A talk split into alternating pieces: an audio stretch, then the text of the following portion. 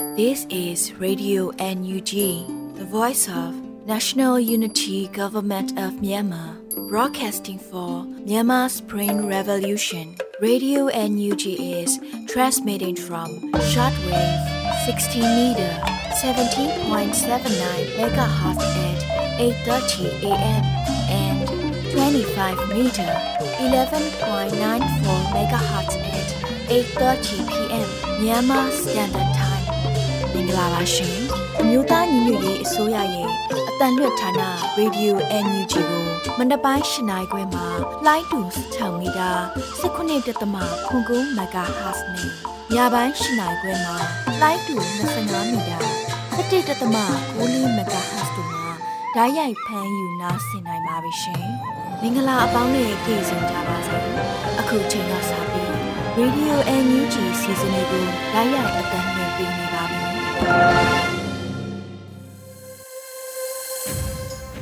မြန်မာနိုင်ငံသူနိုင်ငံသားအပေါင်းတဘာဝပြီးဆရာနာရှင်ပြီးတို့ကနေကင်းဝေးပြီးကိုစိတ်နှစ်ပါးဘေးကင်းလုံခြုံကြပါစေလို့ရေဒီယိုအန်ယူဂျီဖွယ်သားများကဆုတောင်းမြတ်တာပို့သလာရပါတယ်ရှင်။အခုချိန်ကစပြီးပြည်တွင်းသတင်းတွေကိုတော့နှွေဦးမောင်ကဖက်ကြားတင်ပြပေးပါတော့မယ်ရှင်။မင်္ဂလာပါခင်ဗျာ။ယခုချိန်ကစပြီး Radio NUG ညပိုင်းပြည်တွင်းသတင်းများကိုဖတ်ကြားတင်ပြပေးပါတော့မယ်။ ကျွန်တော်ကတော့ຫນွေဦးမောင်ပါညောင်ပိုင်းပြည်တွင်းသတင်းများကိုတင်ဆက်ပေးပါတော့မယ်။ American နိုင်ငံသားရေးအတိုင်းအခံ Derek Collett နဲ့ NUG အစိုးရအဖွဲ့ဝင်ဝန်ကြီးများမြမအရေးဆွေးနွေးခဲ့တဲ့သတင်းကိုတင်ဆက်ပေးပါမယ်။ American နိုင်ငံသားရေးအတိုင်းအခံ Derek Collett နဲ့ NUG အစိုးရအဖွဲ့ဝင်ဝန်ကြီးများမိုခါမုံတိုင်းတင်ပြည်သူများအတွက်လိုအပ်ချက်အပါအဝင် မြန်မာအရေးဆွေးနွေးခဲ့တယ်လို့အမေရိကန်နိုင်ငံသားရေးအထိုင်အခံ Derek Collett က Twitter မှာရေးသားထားပါတယ်။ဆိုင်ကလုန်းမိုချာမုန်တိုင်းတန်ခံရသူများအတွက်အရေးတကြီးကယ်ဆယ်ရေးနဲ့မြန်မာဒီမိုကရေစီရေးလှုပ်ရှားမှုများစီးလုံးညီညွတ်မှုအားကောင်းလာစေရေးဆွေးနွေးရန် NUG ခေါင်းဆောင်များနဲ့အကျိုးရှိရှိတွေ့ဆုံခဲ့ပါတယ်လို့ဆိုပါတယ်။တွေ့ဆုံပွဲကို NUG အစိုးရအဖွဲ့မှကျန်းမာရေးဝန်ကြီးနဲ့ပညာရေးဝန်ကြီးဒေါက်တာဇော်ဝေဆိုး ဆက်သွယ်ရေးသတင်းအချက်အလက်နဲ့ဤပညာဝန်ကြီးဦးထင်လင်းအောင်ဒုနိုင်ငံသားရေးဝန်ကြီးဦးမိုးစောဦးတို့တက်ရောက်ဆွေးနွေးခဲ့ကြပါတယ်ခင်ဗျာဆက်လက်ပြီး American ပြည်ထောင်စု New York မြို့မှာ NUG အစိုးရပြည်ထောင်စုဝန်ကြီးများနဲ့မြန်မာပြည်ပေါ်တိုင်းရင်းသားများຫນွေဦးဒေါ်လာရေးထောက်ပို့အဖွဲ့များတွေ့ဆုံခဲ့တဲ့တဲ့တင်ကိုတင်ဆက်ပေးပါမယ်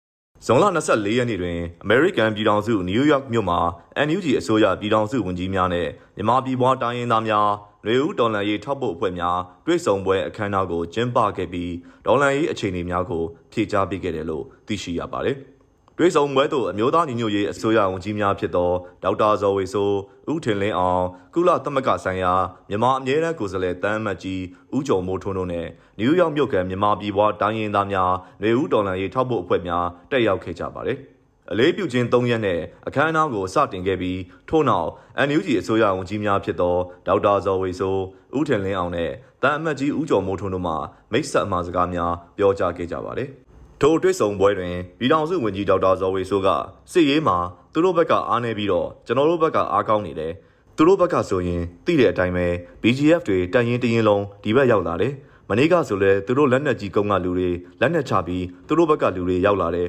စီးပွားရေးအရာကြည့်မယ်ဆိုရင်လဲသူတို့ရဲ့အဓိကဒေါ်လာလဲလှယ်တဲ့ဘဏ်တစ်ခုအရေးယူခံထိသွားတယ်သူတို့ဆက်အလုပ်လုပ်လို့မရတော့ဘူးဒေါ်လာဈေးတွေတက်လာတယ်ဒါအပြင်မစ္စတာရှောင်းထာနယ်ကကျွန်တော်တို့ဘက်ရောက်လာတယ်ကျွန်တော်တို့ကိုအကြံပေးတယ်လို့ဝန်ကြီးကဆိုပါတယ်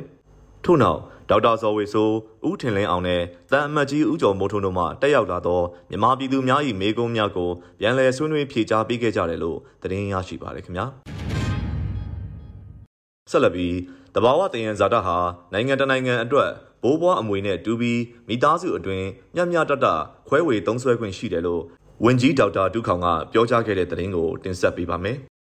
ဇွန်လ25ရက်နေ့မှာပြည်ထောင်စုဝန်ကြီးဒေါက်တာဒုခောင်က တဘာဝတယံဇာတခွဲဝေသုံးစွဲရေးနဲ့ပတ်သက်ပြီးအခုလိုသုံးသပ်ဆိုပါတယ်။တဘာဝတယံဇာတဆိုတာနိုင်ငံတနိုင်ငံအတွက်ဘိုးဘွားအမွေနဲ့တူတယ်။အိမ်အောင်စုတစုမှာဘိုးဘွားလက်ထက်ကလေးကပိုင်ဆိုင်ထားတဲ့အိမ်ချမ်းအတွင်းပစ္စည်းများစွာရှိတယ်ဆိုပါစို့။အဲ့ဒီအိမ်အောင်စုမှာတခြားစီးပွားရေးလုပ်ငန်းကိုင်ငန်းတွေပေါ်များပြီးဝင်ငွေကောင်းနေချိန်မိသားစုအတွင်းမျှမျှတတခွဲဝေသုံးစွဲခွင့်ရှိနေချိန်ဆိုရင်ဘိုးဘွားအမွေကိုဘယ်သူမှမျက်စောင်းထိုးမှာမဟုတ်မိသားစုထဲမှာတယောက်ယောက်ဖောက်ပြီးမောင်ပိုင်စည်းဖို့ကြံ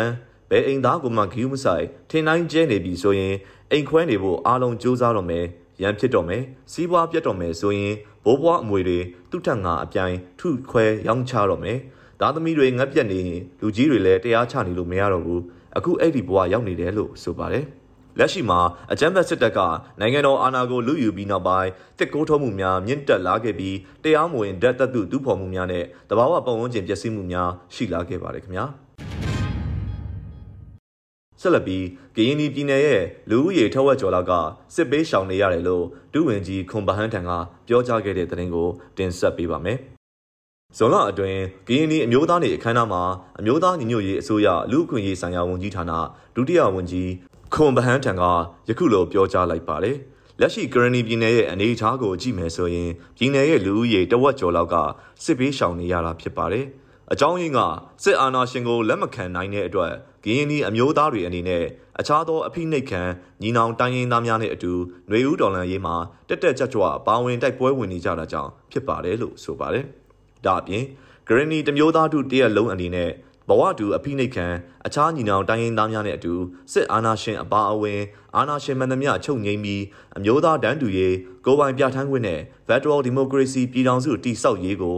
ပြည်ထောင်စုအမျိုးသားစိတ်ဓာတ်တို့နဲ့မမိတ်မတုံဆက်လက်ပူးပေါင်းဆောင်ရွက်သွားကြဖို့ကိုလည်းဒုဝန်ကြီးကဆိုပါတယ်ခင်ဗျာ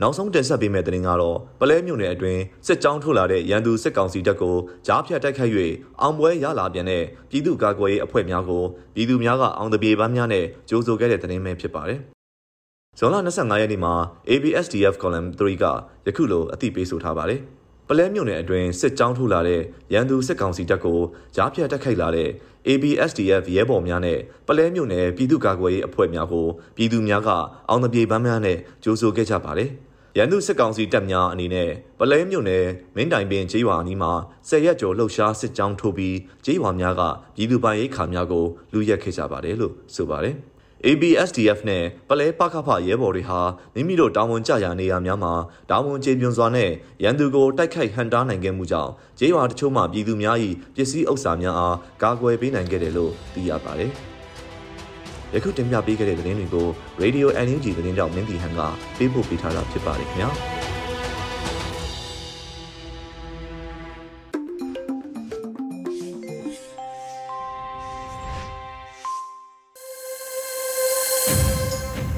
ဗီဒီယိုညွှန်ကြည့်ရဲ့ညပိုင်းစီစဉ်တွေကိုဆက်လက်တင်ပြနေပါတယ်။အခုဆက်လက်ပြီးတော်လရင်စကားသံစီစဉ်မှာတော့ဦးမင်းကိုနိုင်ရဲ့တညီတဲ့ရုံကြဖို့ချိန်ရောက်ပြီလို့အမည်ရတဲ့အင်တာဗျူးကောင်းတဲ့ချက်ကိုနားဆင်ကြရတော့မှာဖြစ်ပါတယ်ရှင်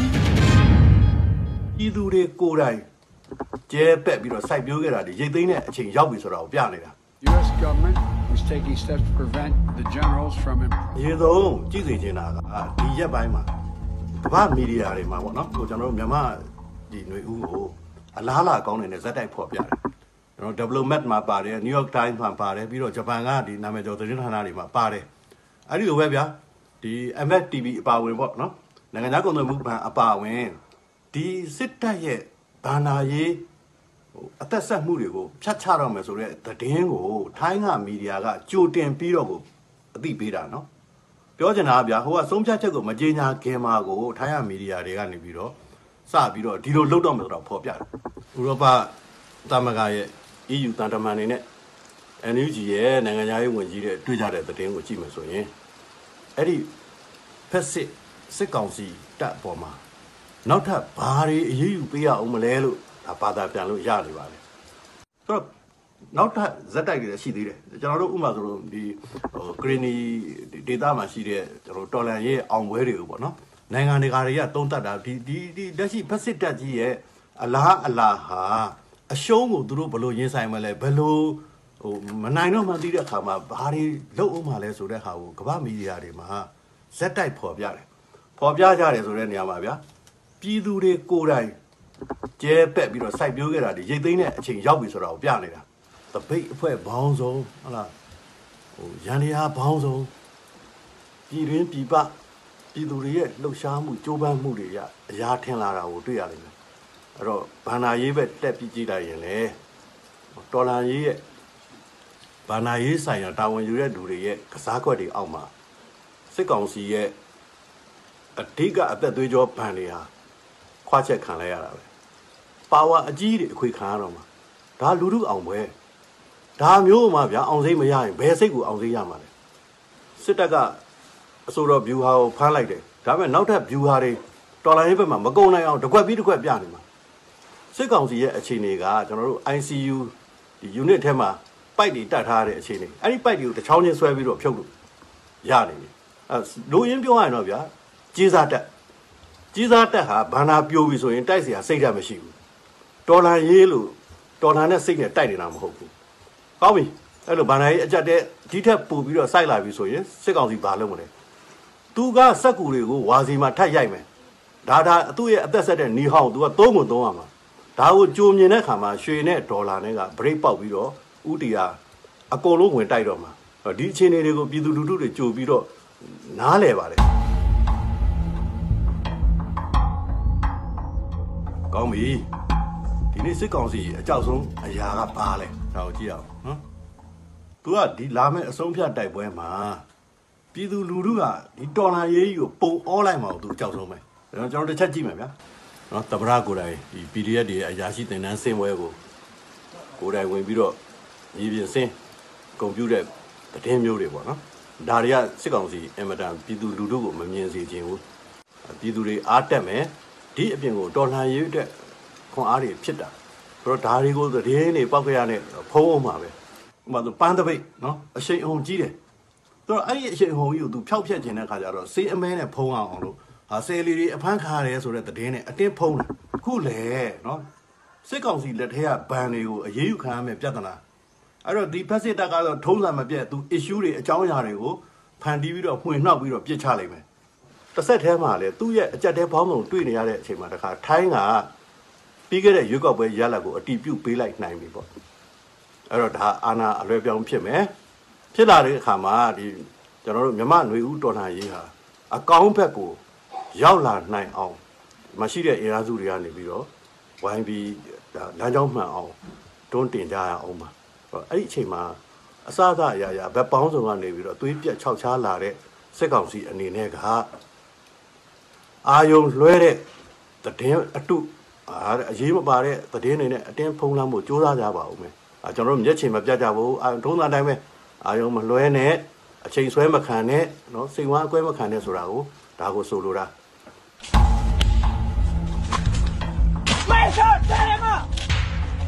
ဂရီနီဒေတာမှာအောင်ပွဲတွေပေါ့နော်မဲဆက်အဲ့ဒီတိုက်ပွဲတွေဟာတစ်ချိန်လုံးကစစ်ကောင်စီကလက်ပွားထဲမှာတွန်လို့တွန်မှောက်လို့မှောက်ရနေတဲ့ BGF အသွင်ပြောင်းခံထားရတဲ့ဒေါ်လာရေးတပ်ဖွဲ့တွေကို၌က ရုံးထွက်ပြီးတော့ဒေါ်လာရေးဘက်ကိုပြန်ပါလာတာစစ်ကောင်စီကိုအာခံပြီးတော့ပြန်တိုက်တာအဲ့တော့တိုက်ရင်အလိုက်တွေကိုပါလာတာနော်တရင်မကဘူးနော်သူတို့ဓာရီအကုန်လုံးကအရင်တော့ကဒီဒေတာဆိုတာဒီကရင်ဒေတာလို့ပြောလိုက်ရင်တချို့ကပြောမယ်ဟာအနေမြေကျင်းပါတယ်ကွာလူဦးရေနည်းနည်းလေးပါဘာဖြစ်မှာမလို့လဲလို့တွေးခဲ့တဲ့လူတွေအမှားကြီးမှားတာပဲအားလုံးဟာတကယ်တိုက်ပွဲဝင်ရင်ပြည်သူကတကယ်အားပေးတယ်အဲ့တော့ပြည်သူ အားနဲ့ယူပြီးတော့တကယ်တိုက်အောင်ပွဲရက်လက်တကယ်ထွက်တယ်ဆိုတာကိုကောင်းစွာပြနိုင်တယ်အခုအုပ်ချုပ်ရေးကောင်စီတွေဖွဲ့တယ်ဒါတွေအားလုံးဟာတော်လိုင်းကြီးကအဆင့်မြင့်လာတယ်ဆိုတာကိုပြနေတာအဲ့တော့အဆုံးသတ်ရရင်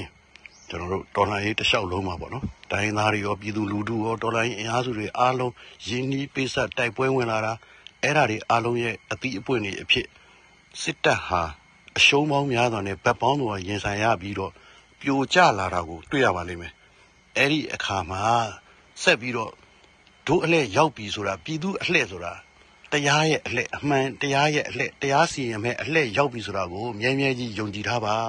မိမိတို့အစွမ်းနိုင်တယ်မြတ် click လုပ်တဲ့လူတွေကအစပေါ့နော်ထောက်ပို့တွေအစုံအားလုံးသောတိုက်ပွဲဝင်သူတွေဟာတညီတဲ့ရုံးရဖို့အချိန်ရောက်ပြီလို့ပြောချင်ပါတယ်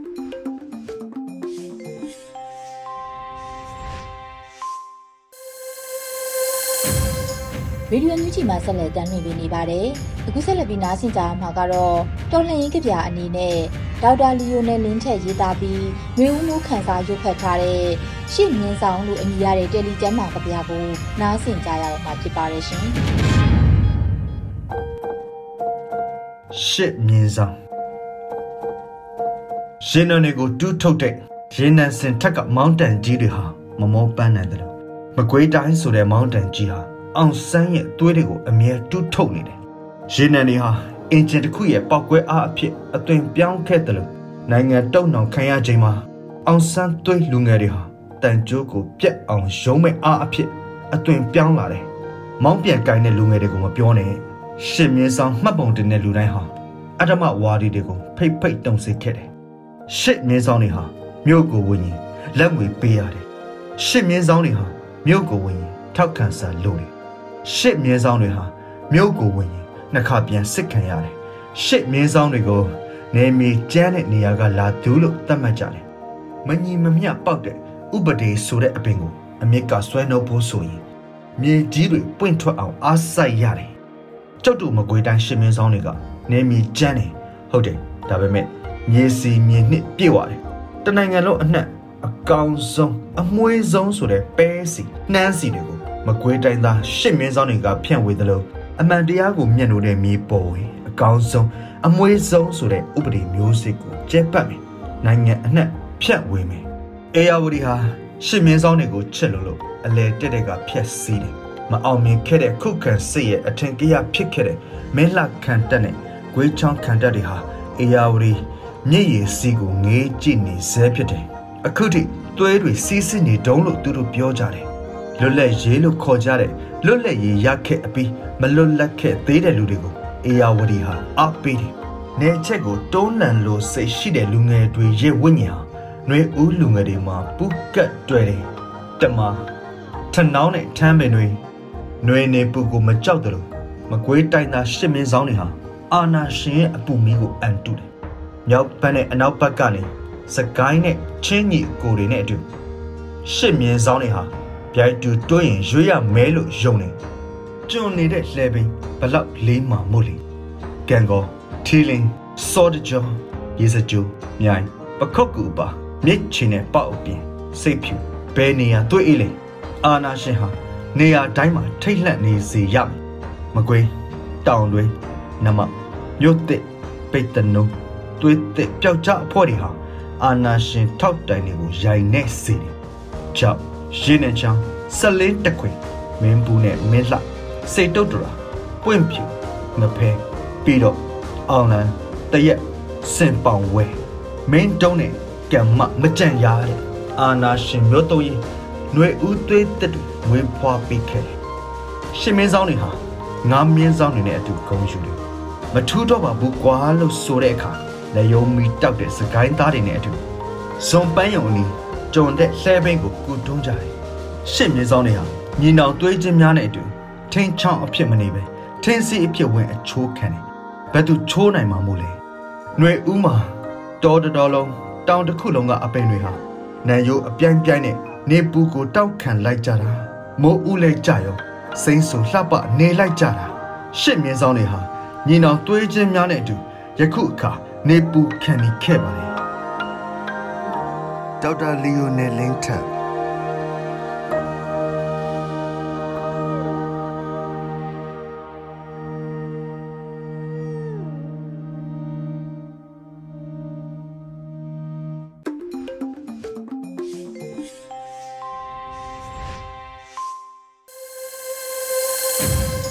တော်တာရှင်များရှင်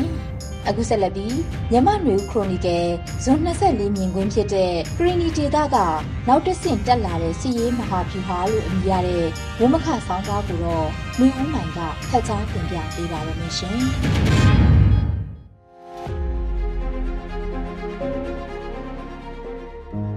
မြန်မာနွေဦးခရိုနီကယ်ဇွန်လ24မြင်ကွင်းကရင်နီဒေတာနောက်တစ်ဆင့်တက်လာတဲ့စိတ်ရေးဗျူဟာဆိုတဲ့မုံမခဆောင်းပါးကိုဖတ်ကြားပေးပါမယ်။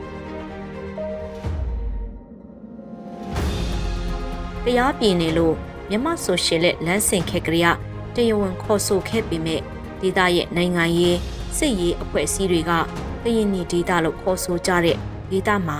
ခုရက်ပိုင်းစစ်ရေးလှုပ်ရှားမှုတွေပုံမများပြားလာပြီးစစ်ကောင်စီစန့်ကျင်ရေးအင်အားစုတွေဖြစ်တဲ့ KNPP, KNDF နဲ့ရခိုင်နယ်ချားဆောင်တက်အဖြစ်အသွင်ပြောင်းခဲ့ပြီးယခုအခါငကိုနာမည်ဖြစ်တဲ့ကာလာလာတက ရင်နီလူမျိုးပေါင်းစုံလွတ်မြောက်ရေးတပ်ဦးတို့ကကရင်နီဒေသရဲ့တန်လွန်မြစ်ရှေ့ဘက်ချမ်းကနေမြေတွေကိုစစ်ရေးအရထိန်းချုပ်ဖို့မဟာဗျူဟာချမှတ်ပြီးတိုက်ခိုက်လာနေတာပုံစံပေါ်လာနေတာတွေ့ရပါတယ်။ထိုင်းနိုင်ငံမဲဟောင်းဆောင်နဲ့ဆက်သွယ်တဲ့လမ်းကြောင်းပေါ်ရှိတဲ့မဲစစ်မြို့ကရေးစခန်းနဲ့ထိုင်းမြန်မာနယ်ခြားကစစ်ကောင်စီရဲ့နေဆက်ချေကုတ်စခန်းတွေကိုခုရပိုင်းတွင်သိမ်းယူခဲ့ကြတဲ့အကြောင်းသတင်းတွေထဲဖတ်ရှုရမှာဖြစ်ပါတယ်။ 2010ရွေးကောက်ပွဲမတိုင်မီနောက်အဖစစ်အစိုးရကအပြစ်ရဲ့အဖွဲ့အချို့ကိုနေချားဆောင်တက်ဖြစ်အသွင်ပြောင်းစေခဲ့တဲ့ထဲကရင်နေဒေတာမှာခြေစိုက်တဲ့ကလလတာဖွဲ့လည်းပါဝင်တာဖြစ်ပါတယ်။ကလလတာနဲ့အတူကယန်းပြည်တစ်ပါတီလက်နက်ကင်အဖွဲ့လည်းနေချားဆောင်တက်ဖြစ်အသွင်ပြောင်းခဲ့ကြတာဖြစ်ပါတယ်။2010ရွေးကောက်ပွဲမတိုင်မီနေချားဆောင်တက်ဖြစ်အသွင်ပြောင်းခဲ့တဲ့ကလလတာနဲ့ကယန်းပြည်တစ်ပါတီတို့ဟာ စစ်အာဏာသိမ်းအပြီးမှာတော့ကရင်ပြည်နယ်ကနေချားဆောင်တက်တွေလိုစစ်ကောင်စီတပ်နဲ့တွဲဖက်တိုက်ခိုက်တာတွေမလုပ်ကြဘဲခတ်ဝေးဝေးနေခဲ့ကြပြီးနောက်ပိုင်းမှာတော်လှန်ရေးအင်အားစုတွေနဲ့လက်တွဲလှုပ်ဆောင်လာကြတယ်လို့ဆိုနိုင်ပါတယ်။နေမြေအခြေအဝင်းရာရောလူဦးရေအရာပါသိမများလှတဲ့ကရင်နီဒေသဟာကရင်ပြည်နယ်နဲ့ထိစပ်နေတာထိုင်းနိုင်ငံနဲ့နေဆက်ထိစပ်နေရာတွေကလက်နက်ကင်တော်လှန်အင်အားစုတွေအတွက်အရေးပါတဲ့ဒေသတစ်ခုလို့လည်းဆိုနိုင်ပါတယ်။ တခြားတစ်ဖက်မှာမိုးပြဲပင်လောင်းကနေနေပြည်တော်ဖက်စီကိုမိုင်40 50လောက်သာအကွာအဝေးရှိတာမို့လို့မဟာဗျူဟာအရစစ်ကောင်စီရဲ့အုပ်ချုပ်ရေးမြို့တော်နေပြည်တော်ကိုချိန်ချောက်နိုင်တဲ့အနေအထားလည်းဖြစ်ပါတယ်။စစ်ကောင်စီအနေနဲ့ဒီလိုမဟာဗျူဟာအရအရေးထားရမယ့်အချက်လက်တွေကိုသိရှိထားပြီးဖြစ်မှသိချပါတယ်။ဒါကြောင့်လဲကရင်နီဒေတာကိုတစ်ကြိမ်ပြီးတစ်ကြိမ်အင်အားစုစည်းပြီးပိုးစစ်စင်တာတွေဖြက်လေးဖြက်ဖြက်တောက်တာတွေလှုပ်ဆောင်နေပြီး ဒီကြောင်တိုက်ခိုက်မှုတွေလည်းအများပြားလှုပ်ဆောင်ခဲ့တာဖြစ်ပါတယ်။လက်ရှိလဲထိုးစစ်တွေဖြတ်တောက်မှုတွေအပြင်းအထန်အောင်မှာကရင်နေဒေသကလက်နက်ကင်အဖွဲ့အစည်းတွေကထိတွေ့တိုက်ပွဲထွေတဲ့တိုက်ပွဲတွေကနေနေရာယူစခန်းသိမ်းယူတဲ့တိုက်ပွဲမဲဆက်မြို့ကိုထိန်းချုပ်တဲ့မြို့သိမ်းတိုက်ပွဲလို့စင်ကိုတဆင့်တက်ဖို့တိုးစားလာကြတာဖြစ်နိုင်ပါတယ်။ကရင်နေဒေသရဲ့လူဦးရေထက်ဝက်ကျော်လဲနေရစွန့်ခွာပြီးစစ်ဘေးရှောင်နေကြရတာ နှစ်နှစ်ချီရှိလာနေပြီဖြစ်ပါတယ်။အသက်မွေးဝမ်းကြောင်းလုပ်ငန်းတွေကောင်းစွာမလုပ်ကိုင်နိုင်ကြတဲ့အနေအထားကနှစ်ရှည်ကြာလာရင်ဒုက္ခသည်စခန်းတွေမှာကျွေးမွေးဆောင်ရှောက်ဖို့တာဝန်တွေပိုပိလာနိုင်တာလည်းဖြစ်ပါတယ်။စစ်ရေးလှုပ်ရှားမှုတွေကဘလောက်အချိန်ရမလဲဆိုတဲ့မိခွန်းမှာစစ်တိုက်ခိုက်နိုင်ဖို့လက်နက်ငွေကြေးလိုအပ်တယ်လို့ဒေသခံတွေရဲ့နေထိုင်ရေးကျွေးမွေးရေးနဲ့ကျန်းမာရေးဆောင်ရှောက်မှုရိတ်ခါစတာတွေကလက်နက်ကင်အဖွဲ့အစည်းတွေသို့မဟုတ် အုပ်ချုပ်ရေးအဖွဲ့တွေရဲ့တာဝန်အဖြစ်နဲ့ရောက်ရှိလာမှဖြစ်လို့ဒုက္ခသည်ဆောင်ရှောက်ရေးစီစဉ်ဆောင်ရွက်ရေးအတွက်လည်းလက်နက်ကင်အဖွဲ့တွေမှာတာဝန်ရှိနေတဲ့သဘောဖြစ်ပါတယ်။စစ်ကောင်စီဘက်ကတော့ဒေသခံလူထုကိုစောင့်ရှောက်ရေးအနေမကျရောက်အောင်တတိထားပြီးစစ်စင်ရေးလုပ်တာမျိုးမဟုတ်ပဲဒေသခံတွေကိုရန်သူထောက်ခံသူရန်သူအားပေးသူလို့မှတ်ယူပြီးဒုက္ခရောက်အောင်မဟာဗျူဟာနီးပြူဟာချမှတ်လှုပ်ဆောင်လက်ရှိတာဖြစ်ပါတယ် ဒေသခံတွေကိုတစ်ဖက်ကဂယုစိုက်နေရတဲ့အခြေအနေဒေသခံတွေရဲ့ရွှေ့ပြောင်းရေးရိတ်ခါစုဆောင်ရေးတွေခက်ခဲအောင်စစ်ရေးတင်မခရိတ်ခါအစားအသောက်ဆေးဝါးပါတည်ယူတာတွေပိတ်ဆို့တဲ့နီးနဲ့တိုက်ခိုက်နေရလဲတွေ့နေရတာဖြစ်ပါတယ်။ဒီအချက်တွေကိုကြည့်ရင်ကရင်နီဒေသလွတ်မြောက်ရေးအတွက်အချိန်အားဖြင့်နှစ်အတန်ကြာအချိန်ယူတိုက်ခိုက်ဖို့ထက်6လတစ်နှစ်အတွင်းအများဆုံးနှစ်နှစ်လောက်အတွင်းမှာရေးချိန်အပြောင်းလဲကြီးကြီးမားမားဖြစ်ပေါ်အောင် အချိန်ကာလအများကြီးမရနိုင်တာလဲသဘောပေါက်နားလည်ဖို့လိုအပ်မှာဖြစ်ပါတယ်ရှင်။